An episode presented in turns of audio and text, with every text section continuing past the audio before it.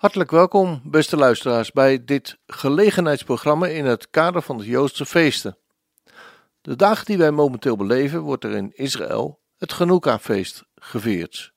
In acht dagelijkse afleveringen besteden wij aandacht aan dit lichtfeest over oorsprong, gedachtegoed en betekenis. In deze zesde aflevering denken we na over Hanukkah en de tempel. Op dag 7 over Hanukkah en het wonder van Hanukkah. En dag 8, de slotdag van het feest, willen we aandacht besteden aan Hanukkah en de Messias. Maar nu Hanukkah en de tempel. Het was de zomer van 1967 toen de troepen van de IDF, de Israëlische verdedigingsleger, het onmogelijke voor hun ogen werkelijkheid zagen worden. Nog geen twintig jaar voor deze oorlog werd de staat Israël opgericht en nu stond een groot wonder hen te wachten. In hun achterhoofd dachten zij er misschien nog wel aan hoe de staat Israël in 1948 werd opgericht. Voor het Joodse volk was dit ook een onmogelijkheid die werkelijkheid was geworden. Nu vorderden de paratroepers van de IDF door de oude stad richting de Tempelberg die in Jordaanse handen was. Generaal Mordechai Goer naderde de oude stad en riep om. We zitten aan de rand en we zien de oude stad.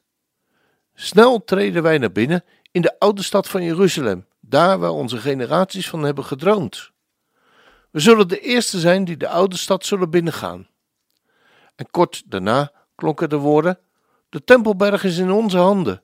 Ik herhaal: De Tempelberg is in onze handen.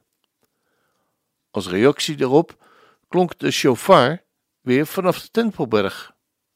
Voor het eerst in 2000 jaar was de Tempelberg weer in handen van het Joodse volk gekomen. En misschien voelden de soldaten zich wel hetzelfde als hoe het leger van de Maccabeeën zich gevoeld zouden hebben. Veel mensen denken dat het Chanukka-feest acht dagen duurt vanwege het wonder met een kruikje olie. De menorah in de heringewijde tempel bleef met dat ene kruikje acht dagen branden. Toch is dit niet de reden dat het feest acht dagen duurt.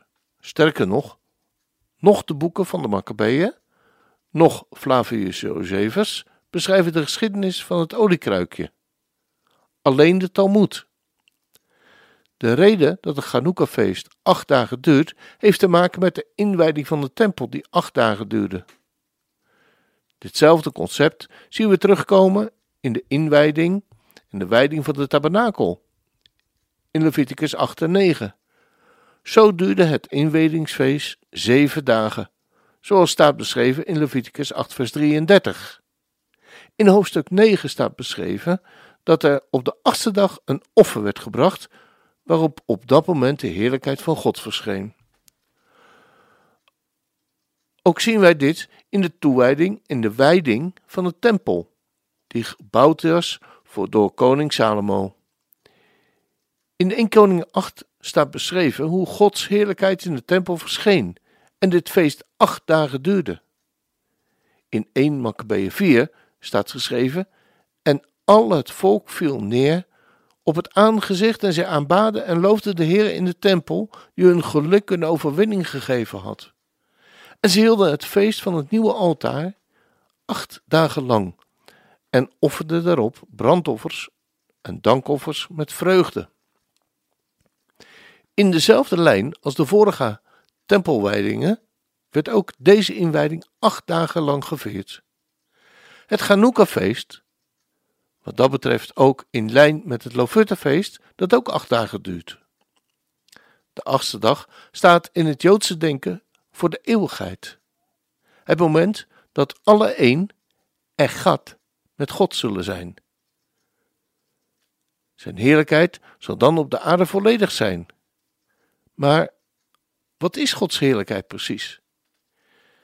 Het Hebreeuwse woord voor wijding, dat in de Torah wordt gebruikt, komt van het woord opvullen, of vullen, of vervullen.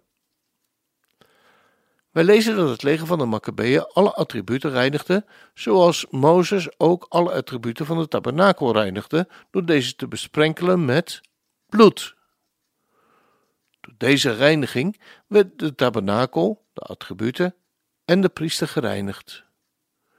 Nu werd echter het brandoffer onder het gezag van Jehuda Hamakabi neergehaald vanwege alle vuiligheid die erop had plaatsgevonden.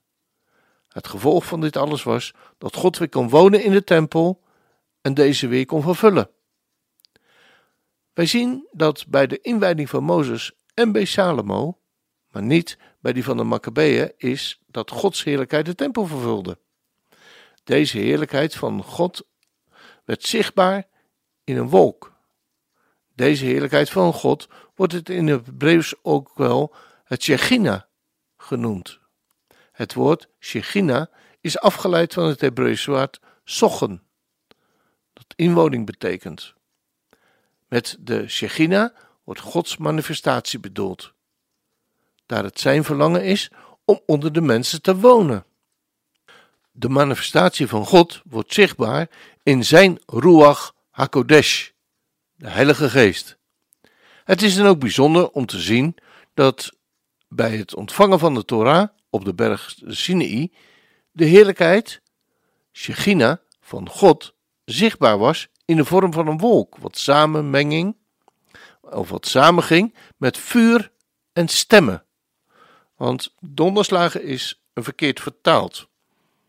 Zien wij niet dezelfde gebeuren met het ontvangen van de geest op Shavot, Pinksteren? Misschien moeten wij ook een onrein altaar in ons binnenste, onze tempel, ons lichaam door neerhalen, opdat God de ruimte krijgt om ons te vullen met Zijn heerlijkheid. Het was het woord, het beeld van de Vader, die ons, onder ons mensen heeft gewoond. Dit lezen we terug in Johannes 1. Het woord was bij God en het heeft onder ons gewoond. Paulus schrijft namelijk dat Jezus aan de boezem van de Vader was, gelijk aan hem is en het beeld is van de onzichtbare God. Hij is de manifestatie en het aangezicht van God. In hem is de ultieme inwoning wanneer God ons met zijn Shechina kan vullen, met zijn geest kan vullen.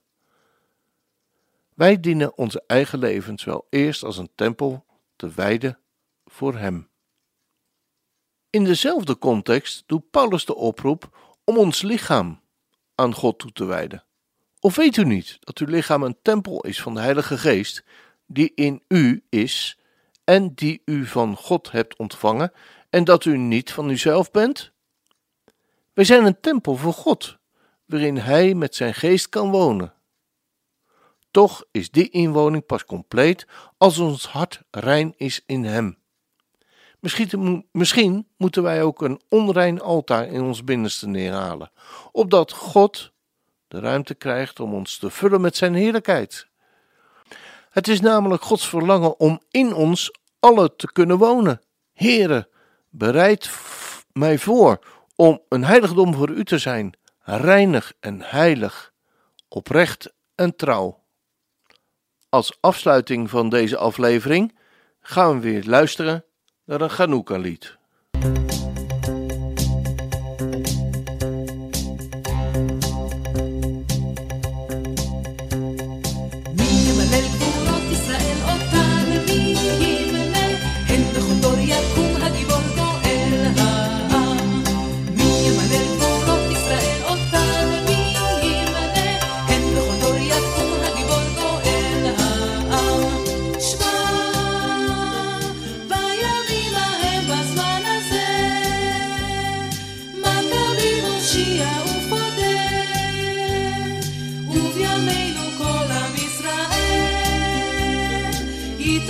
יקום וייגאל